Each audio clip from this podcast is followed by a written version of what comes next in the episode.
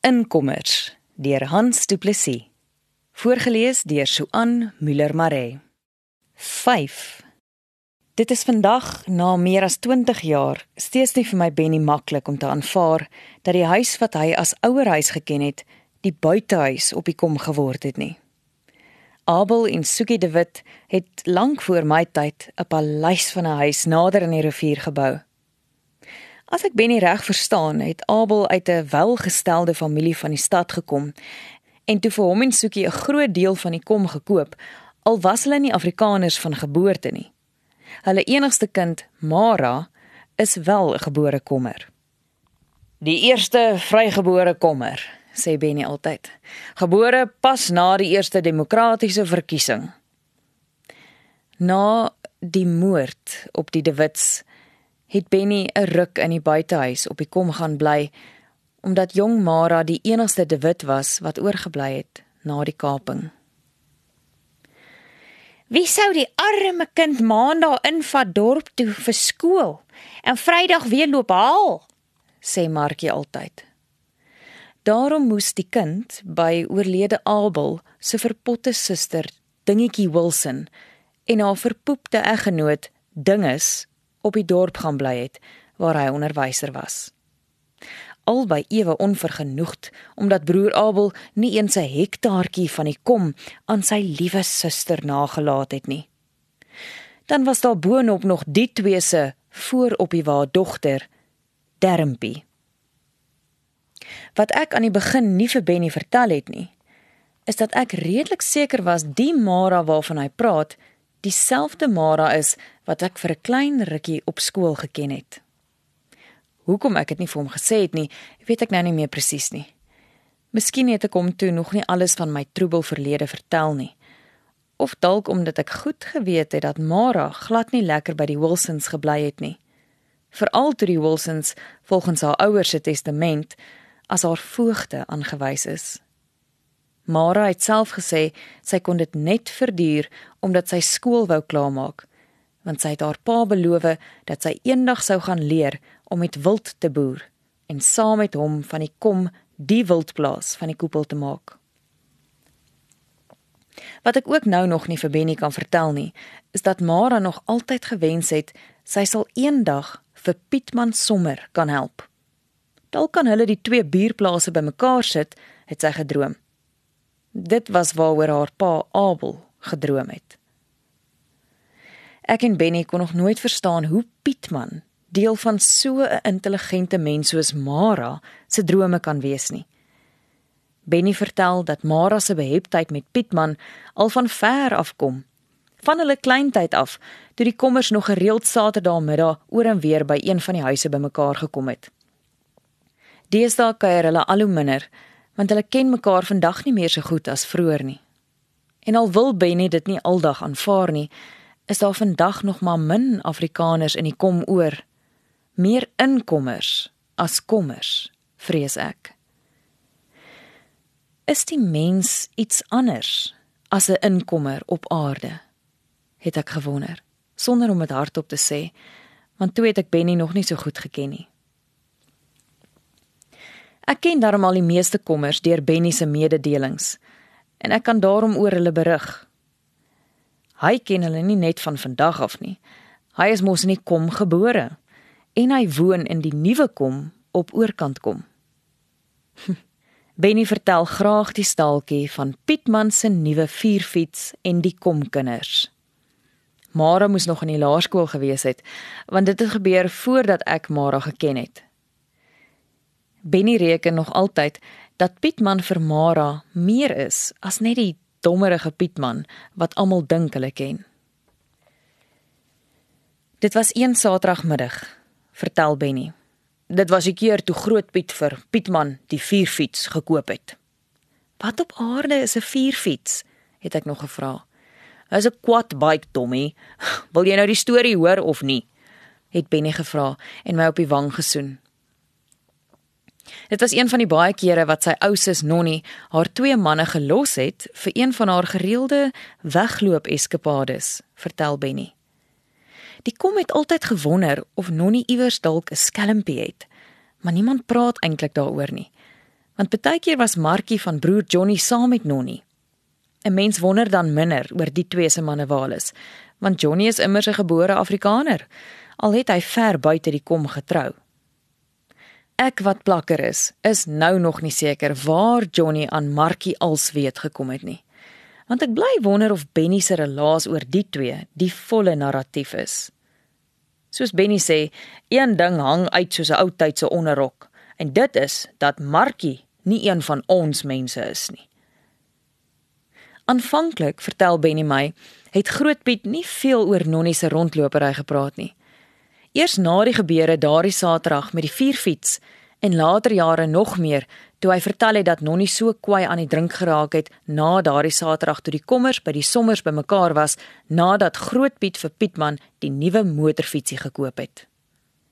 Miskien juis omdat die fiets daar was en Groot Piet, soos Benny hom ken, van die gevaarte die trekpleister gemaak het om so die aandag op Nonnie se afwesigheid te vestig sonder om 'n slegte woord oor 'n Afrikaner te sê. Ek vermoed hy het Pietman vertrou of homselfs voorgesê om vir die ander kinders te vertel dat sy ma al van donderdag af weg is.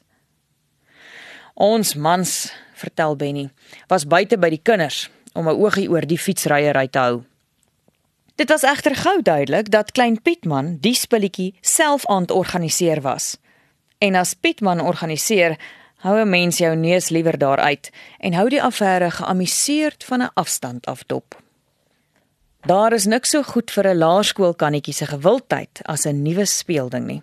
Veral 'n duur ding met 'n engine. Eene waarop 'n mens kan ry soos 'n regte egte groot mens en nog iemand kan oplaai ook. Dit was ek en Grootpiet, vertel Benny. En as ek reg onthou was Johnny en Abel ook buite. Dinges Wilson was nog by die vuur aan die murmureer oor die vrot regering. Al het niemand geluister nie. Die vrouens in die kombuis aan die kuier en slaai maak. Seun, so het Grootpiet nog vir Pietman die prosedure begin verduidelik. Jy moet sorg dat almal 'n regverdige kans kry om saam met jou 'n draai te ry. Ja pa, ek weet pa. Pa kom maar waai. Ons sal self regkom. Gaan gooi liewer vir pa nog 'n dop. Julle ry net tot een kannetjie petrol op is. Maan Grootpiet en draai om. Ons mans is terug Lapa toe, maar ek kon die kinders nog hoor praat. Gertjie, nooi Pietman Johnny en Markie se mooi meisiekind.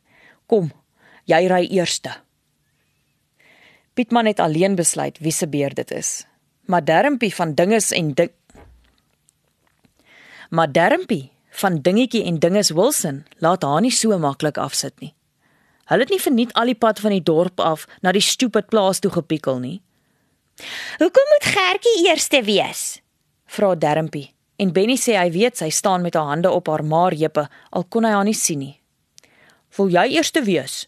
vra Pietman skor. "Ons moet loetjies trek." Teem Dermpie. Wat is dit, Darmpie? vra Pietman. Ek sal sê wie ry wanneer. Wie dink jy is jy?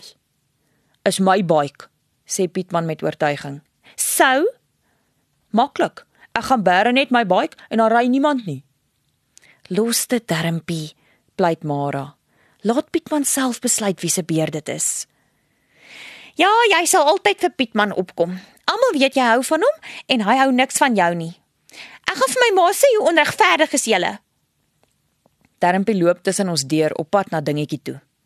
Klim agter my op, Gertjie, en jy moet styf aan my vashou, anders val jy af. Met 'n geknor trek Pietman weg. Benny sê hy gaan staan toe maar by die braaiplek waar Grootpiet die vuur aan die krap is. Nie so seer om hom te help nie, maar om te kan sien wat buite aangaan. Dit is ook net toe dat Pietman met Gertjie agter hom op die vierfietsse langs sitplek met 'n wye draai en 'n geknars van bande op die gruis by die wagtende stilhou. Pietman besluit een van die tweelingseuns van die span spekke wat saam met Johnny hulle gekom het, is volgende. "Kan ek self ry nie?" vra die span spek mannetjie en staan nader toe Gertjie afklim. "Nee, sit agter." Pietman is beslis en die seun en die seun klim gedwee agterop. Toe hulle na die draai wat skielik aansienlik korter as die vorige een is, weer stilhou, roep Pietman weer vir Gertjie om saam te ry. Een ding is duidelik, die waglys word uitsluitlik deur Pietman se voor- en afkeure bepaal. Dit dat Gertjie omtrent elke tweede rit agter Pietman op die sitplek gaan sit.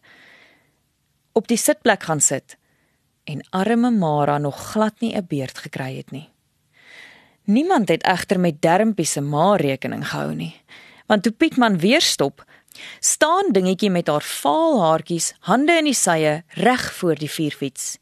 Ry, laat ek sien jou klein knopgat. Jy laai nou eers vir Dermpie op, anders gooi ek die hele kan petrol op die grond uit. Uh, reg so tannie. Ek moet net eers weer petrol ingooi. Skerm Pietman bedees. Ek wag. Pietman mors brandstof op die grond uit. So vervaard is die arme man. Versigtig jy mors. Die ander span spek tweelingseun sit 'n bietjie hand by. Jy het gehoor jou pa sê ons ry net totdat die kan leeg is. En dis omtrent net Gertjie wat die hele tyd 'n lift kry. Sy het jou seker iets beloof wat sy tog nie gaan doen nie. Sy sal. En ek het klaar plan met die petrol uitgedink. Fluister Pietman geheimsinnig en probeer ingenome knipoog. Maar om net die een oog te knip is nie heeltemal deel van sy kleinspierkoördinasie nie. Wat 'n plan? Ek sal stadiger ry met Dermpie, dan vat jy die kan en gaan gooi 'n bietjie water by. Dan is die kan mos weer vol. Jy seker laf. Ek weet 'n mens kan nie water en petrol meng nie. My pa sê die engine sal ontplof. As jy te bang is, sal ek dit self doen. Pietman draai die kannetjie oorhaastig toe en laat Dermpie opklim. Hulle ry weg, aansienlik stadiger. "Is jy reg, Boetman? Moenie water bygooi nie." Waarsku Ben. "Julle sal in elk geval nou moet nader staan." Ja. "Julle sal in elk geval nou moet nader staan, die vleis is gaar." "Ons kom, oom." Maar hulle het toe nie so gou gekom nie, al was die vleis gaar. Trouwens, niemand kon gou aan die eet kom na dingetjie Wilson se tweede tirade van die dag nie. Dit was toe Pietman weer vir Gertjie 'n beurt gee, toe dit eintlik Dermpie se beurt moes wees. Toe Pietman en Gertjie na die draai terugkeer, het Pietman met 'n swaar gemoed aangekondig dat die petrol nou ongelukkig op is. "Jy lieg!" gil Dermpie. "Dis net omdat dit my beurt is." "Die petrol is regtig klaar," probeer Mara skerm, "en ons moet in elk geval gaan eet." Haar sin was skaars voltooi, toe staan dingetjie weer voor die arme Pietman. "Luister jy nie of is jou ore te vuil om te hoor?" Nou vat jy onmiddellik vir Dermpie. Dis lankal weer haar beurt. Die petrol is op, Tannie. Dink jy ek is onnosel?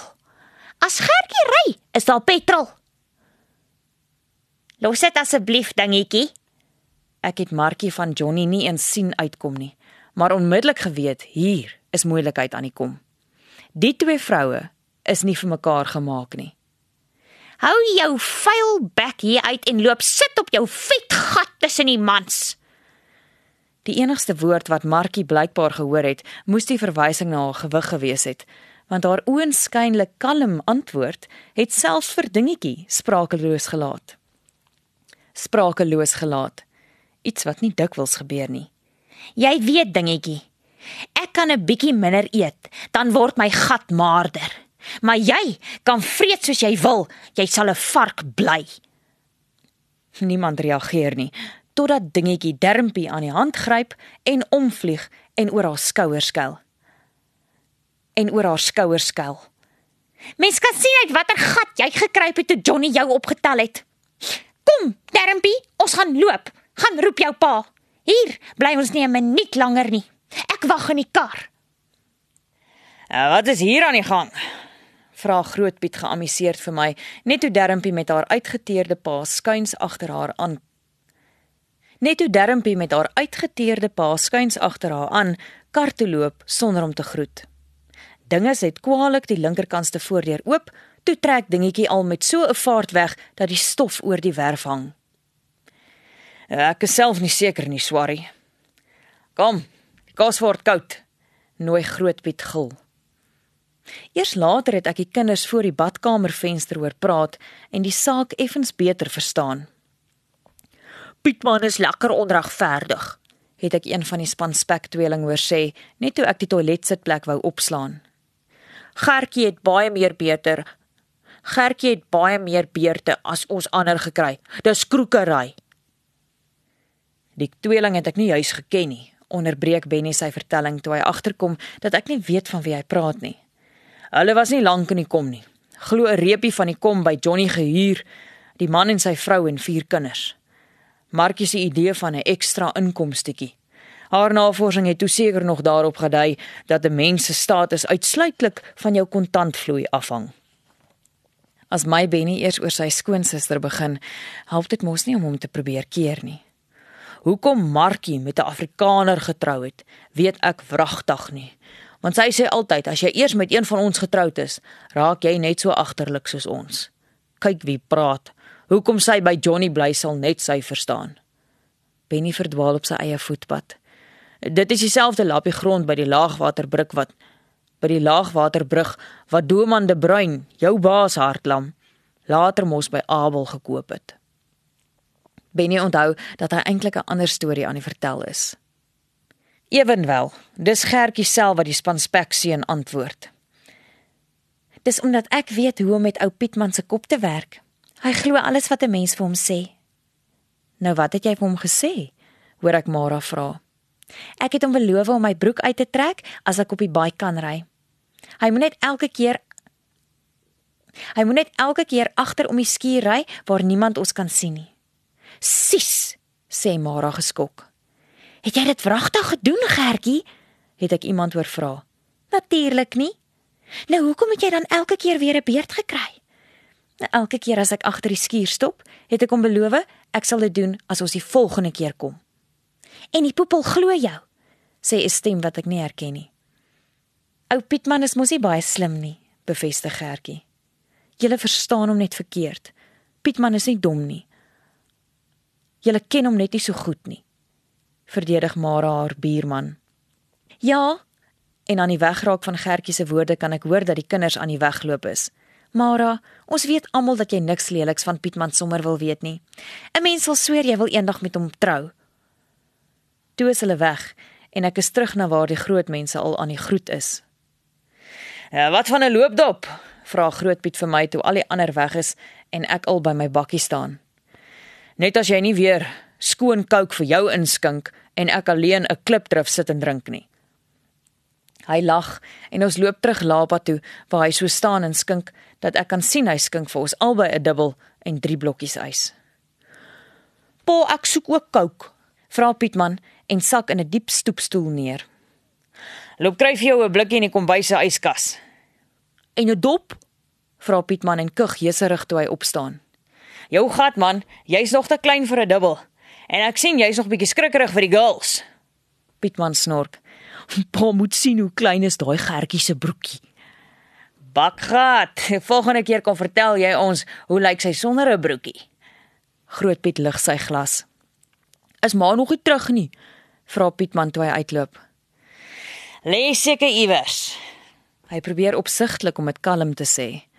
Maar toe Pietman uit is, neem Groot Piet 'n groot sluk, hoes effens asof hy verkeerd gesluk het en sê dan ernstig, sonder sy gewone laggie: "Hou Benny, jy sal 'n bietjie met jou suster moet praat." Nie sommer net praat nie, ek meen ernstig praat. Sy raak hand uit. Ek kan nie meer nie. Hoe meen jy nou, Swarrie? Asof ek nie 'n benul het waarvan hy praat nie. Sy drink te veel. Wonder by wie het sy geleer, vra ek amper. Maar ek hou my in omdat ek darm ook vir sis Nonnie nie van gister af ken nie. En waar is Nonnie vandag? Vra ek, maar ek sien die trek in sy oë wat voorspel dat hy bekommerd is. Ja, donderdag al hier weg saam met Markie. Hy sluk hard. Maar jy het self gesien, Markie was vanmiddag hier. En sy beweer sy het Nonnie meer as 'n week laas gesien. Nou Bella, Ek is te ontstel om iets sinvollers te bedink. Ek het haar foon is af. Ek sluk diep aan die drankie terwyl ek na woorde soek. Maar voordat ek iets uitgedink kry, skree Pietman uit die voordeur. "Pa, hier kom 'n blerrie taxi by ons hek in. Moet ek hom wegjaag?" Die volgende oomblik smyt hy die blikkie koeldrank dat dit oor die gras spat. "Dis ma!" Groot Piet bly sit. Selfs toe Nonnie verslons in die lapa se opening staan. Alhoewel ek weet dis my ouer suster, is die perfekte lyf en die blonde hare. Haar oë is groot. Die mond effe oop en die hare hang in slierte oor haar bleek gesig.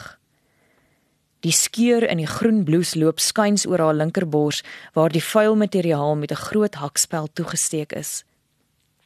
Sy praat nie en sy het niks by haar nie. Haar hande leeg en die vuiste voor haar bors geklem asof sy die gehawende blouse se skade probeer bedek. "Pen?" is al wat sy uitkry en ek vrees dat sy enige oomblik in mekaar kan sak. In mekaar kan sak, maar sy bly staan kyk uitdagend eers na haar man en dan na my. Onverklaarbare selfvertroue, so ken ek my sis. Ek staan op. Ja, waar was jy? Is al wat Grootpiet donderend vra, sonder om op te staan. Is dit die regte plek, mevrou? Vra die groot swart man by die deur, wit pet agterste voor op sy kop en 'n geel T-hemp wat oor sy gespierde bolyf span. Uh, dankie meneer, antwoord ek eerste. Wat skuld ek jou? Grootpiet staan op, loop verby Nonnie asof hy haar nie raak sien nie. Nee, antwoord die taksiman. Meneer skuld my niks nie. Ek het mevrou net huis toe gebring. Jy moet jou vrou oppas. Hulle gaan haar nog eendag verkoop. Hulle kry baie vir 'n mooi vrou. Hy bly buite staan. Is jy alright? Vra hy besorgd vir Nonnie. Dankie vir alles. Julle was goed vir my. Kan ek jou nie iets betaal nie? Dit is asof sy elke woord eers bedink en met oorleg een vir een uitspreek.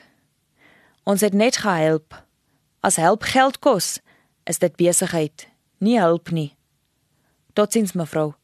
Meneere. Ek kry gou vir hom 'n kook, bied Pietman aan. Dit sal lekker wees. Hy draai om en loop na sy taxi toe wat nog staan en luier. Nie een van ons in die lapa reageer voor ons die taxi brommend voor ons die taxi brommend oor wegtrek nie. Nonnie sak woordeloos in die naaste stoel neer. Ek gooi vir ma 'n glas wyn in, sê Pietman verwilderd. Vat sommer 'n vuil wynglas van die toonbank af en skink die glas onder die kraantjie van die boks na Makwa vol. Nonnie drink die wyn gulsig asof sy daarlaas iets vir haar lippe gehad het. Sal jy ons nou vertel waar die donder jy nou vandaan kom? Blaf Grootpiet. Uh, ek loop. Verskoon ek my en sluk my glas leeg. Nee, sit. Laat ons hoor wat is jou suster se storie die keer. Julle dink mos julle sus is 'n engel uit die hemel. Sit. Laat jy nou eenmal die waarheid hoor. Asseblief, Ben. Bly. Asseblief. Smeek Nonnie. Ek gaan sit weer. Grootpiet staan by die koue braaiplek en krap met die vuuryster in die as asof hy soos 'n waarsêer antwoorde daar sal kry. Asof hy geen belang by sy vrou se verduideliking het nie. Dan kom jy wragtig nog huis toe en dit met 'n donder se taxi, sê hy vir die dooie as. As dit nie vir die donder se taxi was nie, was ek nou dood. Moet ek nou vir die bliksem dankie sê? Plaas hy jou in die gutter los waar jy hoort. Wat het gebeur?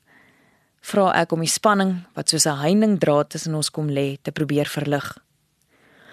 Was ma toe saam met tannie Markie? Pietman kom teen sy ma op die stoel se opgestopte leuning sit. Voor die braaiplek swaai Grootpiet so vinnig om dat ek vrees hy gaan sy vrou met die vuuryster aanrand. Sy lieg. Markies vir 'n wonder die naweek by haar huis. Waar was jy, vroumens? En moenie weer vir my lieg nie. Praat sodat jou broer ook kan hoor wie jy regtig geword het. Julle Afrikaners dink mos julle gatte stink nie. Ek besef hoe kwaad Grootpiet is en bid vir 'n wag voor my mond. Gelukkig begin Nonnie praat sag soos altyd. Dit is Markie wat my mislei het. Ons sou albei vir die aand klap toe gegaan het op die dorp. Sy kyk na my. Grootpiet het mos 'n aandeel in die klap. Jy weet mos. Ek weet nie daarvan nie, maar ek sê liewer niks. Markie was nie waar sy my moes kry nie. 'n Vreemde man het my kom oplaai en gesê Markie het hom gestuur om my te kom haal. Ek het by hom ingeklim. Hy het vir my 'n koue bier gegee. En die volgende wat ek geweet het, was toe ek iewers in 'n vuil bed wakker word. Dit moes ergens in die bosveld gewees het, want voor die venster was daar 'n groot marula boom. Ek was vreesbevange, te bang om selfs te skree. Ek het die venstertjie gesien omdat die son daardeur geskyn het. Sy sluk en drink 'n bietjie wyn. Ja, toe kom red die taxi man jou. Groot Piet lag en dit lyk of hy wil loop, asof hy genoeg gehoor het. Maar hy staan net op om nog twee blokkies ys by sy drankie te gooi. Met sy elmboog op die toonbank en 'n verveelde glimlag wat nie tot in sy oë kom nie, staar hy na sy vrou. Nonnie sug.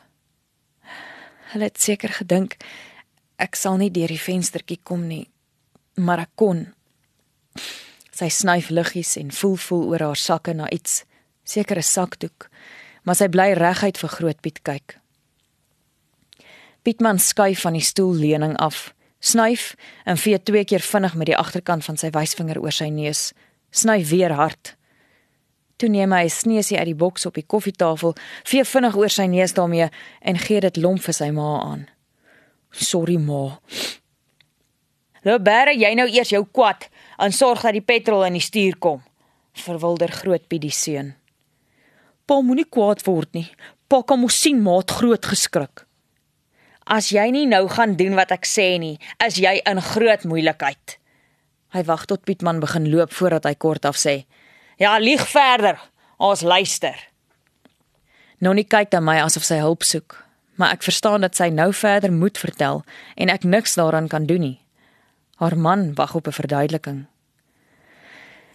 Ek kon my deur die venstertjie wurm.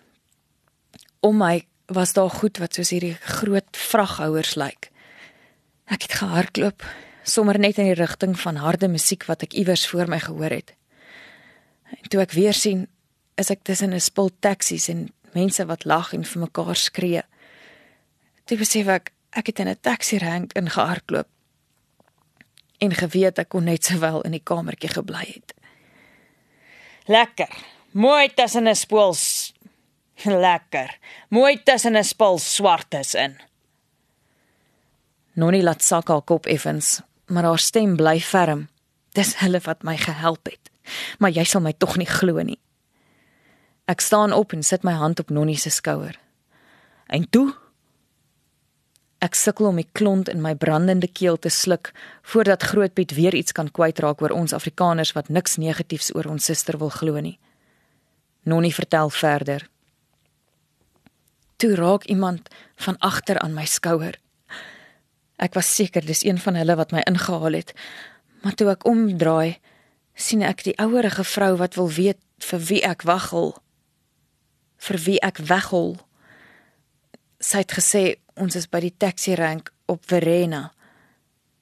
Is dit 'n dorp, ma? vra Pietman met groot oë. Ek het mos gesê jy moet jou goed loop bære, nou staan jy en afluister. Weg is jy. Grootpiet wag totdat die seun uit is voordat hy verder praat. Dis moertoe in die boendoes, agterkant Bronkhorstspruit. Ek weet van een van my lorry drywers se mense bly daar. Hy kyk na Nonnie. Lieg nou verder. Party van ons luister. Die ou vrou het in hulle taal met 'n taxi bestuurder gepraat en toe vir my gesê die taxi sal ons Pretoria toe vat. Ek het nie geld nie, het ek vir haar gesê. Die taxi man sê jy moenie worry nie, hy sal sorg. Nonnie maak haar oë vir 'n oomblik toe en laat sak haar kop op haar bors. Toe haal sy van iewers uit haar lang rok se baie sakke 'n hakspeld uit en steek die skeur in my blouse toe. Met haar kop in haar hande snik Nonnie. En die drywer het gesorg. Toe almal vir die rit moes betaal, het hy my oorgeslaan. Vir die res van die rit het die vroutjie my teen haar vasgehou en as iemand met my praat het sy gesê hulle moet my uitlos ek slaap. Sy kyk op, reguit in my oë voordat sy die laaste wyn in haar glas met een teug leeg drink. Toe ons in Pretoria by die groot taxi rank stop, het ek gedink dis die einde. Maar ek sou darm seker iewers kon bel. "Waar gaan jy nou heen? Jy kan nie alleen loop nie," het my swart engel gevra en my teen haar vasgedruk. "Huis toe. Uh, Parys toe," het ek geantwoord en verduidelik dat dit nog omtrent 200 km is. Sy het weer in haar taal met die taksiman gepraat en hy het my by 'n ander taxi gaan aflaai. Weer 'n gesprek in 'n taal wat ek nie verstaan nie en toe laat hulle my in 'n ander taxi klim. Eers toe ons op die N1 is, het ek besef dat ons regtig op pad is Parys toe. En van daar af het die taxi my tot hier gebring. Iewers buite onder die laap as 'n grasdak brom 'n bosduif in die laatmiddagstilte. En jy verwag ons moet jou glo. Nonnie het opgestaan. Ek het vrede of jy my glo, Piet. Ek is gedaan. Sy begin uitloop en ek kan aan haar geboeskouers sien hoe moeg sy moet wees. Wag eers. Ek het vir jou iets wat jy vir my moet teken. Gooi daar vir jou ma nog 'n dop wat sy kan dink beveel hy Pietman wat ondertussen seker sy goed in die stoor gaan sit het. Groot Piet loop die huis in en kom terug met 'n pen in sy een hand en 'n enkele bladsy in die ander. "De, teken," blaf hy. Vryf die A4 papier met sy regterhand plat en smy die pen daarop neer. "Wat is dit?" vra sy en kom nader. "Teken." Ek teken niks weer voordat ek dit gelees het nie. Ek vra nie weer nie. Ben, sy kyk blytend na my. Wat is dit wat sy moet teken, Grootpiet? vra ek en stap nader. Grootpiet lag sy sosiale laggie. Lees. Jy het nou self gesien wat 'n soort moeder my vrou en jou suster vir haar kind is. 'n Mens stry nie met Grootpiet as hy kwaad is nie, en ek weet hy sal agterna net sy wrevel op sy vrou uithaal. Ek lees al weet ek vooraf dat hier iets aan die gang is waarvan ek hoegenaamd niks begryp nie. Hoe verder ek lees, hoe kouer slaan die hoendervleis op my uit. Nonnie moet haar kind afteken. Sy moet erken dat sy 'n onbevoegde moeder is en dat sy die alleenreg op ouerskap aan Grootpiet afstaan en dat sy instem om van Grootpiet te skei. Onderaan staan Joyner Johnston se naam. 'n Prokureur waarvan ek in my lewe nog nooit gehoor het nie. Nie dat ek van enige prokureur meer weet as die naam op een of ander briefhoof nie. Jy kan nie hierdie ding teken nie, Nonnie. Waag ek dit, hoogs ontsteld. Nonnie begin lees en hoe verder sy lees, hoe bleker word sy. Sy het nie 'n keuse nie, swaar. Sy was saam met my by die prokureur. Ek kan dit nie teken nie. Ek het dit tog al in die skelm joiner se kantoor gesê. Sy gaan skuins op die naaste kroegstoeltjie sit asof haar bene haar nie meer kan dra nie. Soos joiner vir jou in die kantoor verduidelik het. Jy teken of jy sit op straat sonder 'n duit op jou naam. Grootpiet kyk na my. Teken sy, kan sy onder my dak bly en haar kind elke dag sien en het sy kos en klere. Teken sy nie, het sy niks, nie 'n kind of 'n lewe nie. Wat van die plaas? Lankal op my naam, Swarry. Julle dink mos almal ek is onnosel. Ek kyk verstom na Nonnie, maar sonder dat sy 'n woord uiter, weet ek aan die verlore blou oë dat langsaan kom nie meer in Afrikaner hande is nie. Jy kan dit nie van haar vra nie, probeer ek redeneer. Sal jy vir haar sorg? Jy weet goed ek kan nie. Los dit, Ben. Ek ken die storie en ek weet dat hy nie sonder my administrasie 'n besigheid kan bedryf nie. Ek het ten minste my kind by my en 'n goeie dak oor my kop. Ek weet lankal ek het nie meer 'n keuse nie. Dit is nie die eerste keer dat ek gedwing word om 'n kind weg te teken nie. Waarvan sy praat, weet ek nie. Seker maar die trauma. Maar Grootpiet se woedende oë en Nonnie se instinktiewe wegkoes asof sy 'n vuis sou verwag. Weerhou my daarvan om verder te vra. Aan die ander kant van die toonbank lag Grootpiet joviaal soos 'n kroegman wat 'n dronk klant kalmeer. Natuurlik het jy 'n keuse, my lief. Ha, jy kan maklik in 'n container gaan klim en jouself gaan verkoop. Moenie in 'n container klim nie, ma. Smeek 'n huilende Pietman. Teken net daar waar op haar vra. Dan is die moeilikheid verby. Die middag het oud geword en dood gegaan toe Nonnie op die stiplyn onder aan die bladsy teken. Net bo kan die plek waar ek as getuie moes teken dat my eie suster nie die naam moeder werd is nie. Skink daar vir jou slim ma en jou ouma kortetjie seun. Bestel Grootpiet by Pietman wat breed glimlag omdat hy nou mos kan sien dat alles weer reg is tussen sy ma en sy pa. Soek maar brandewyn. Maak dit 'n trippel my seun. En oom Ben? Niks meer vir my nie, dankie Pietman. Ek moet my ry kry. As oom se ry dan weg, oom. Ek kan aan Benny se oë sien hoe dat sy eie storie oor sy suster hom vandag nog ontstel toe hy opstaan en by die venster uitstaar.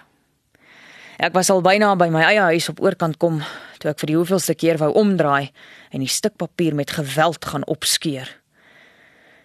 Ek kon dit nie doen nie omdat ek te bang was vir 'n konfrontasie met swaar groot Piet. Benny lag effe verleë. En al wat ek jou eintlik wou vertel was dat Mara van altyd af 'n sagte plek vir ou Pietman het en ek vermoed jy ken self vir ons Mara. Dit is waar. Maar as tiener het ek Mara de Wit net vir 'n paar maande geken. En hoe moes ek voorsien dat ons paie later weer op so 'n vreemde manier juis deur dieselfde groot Piet sou kruis. Dit is 'n storie vir later. Want dit lyk of Benny nog iets wil sê. En sê nou net, hy wil my vra om met hom te trou.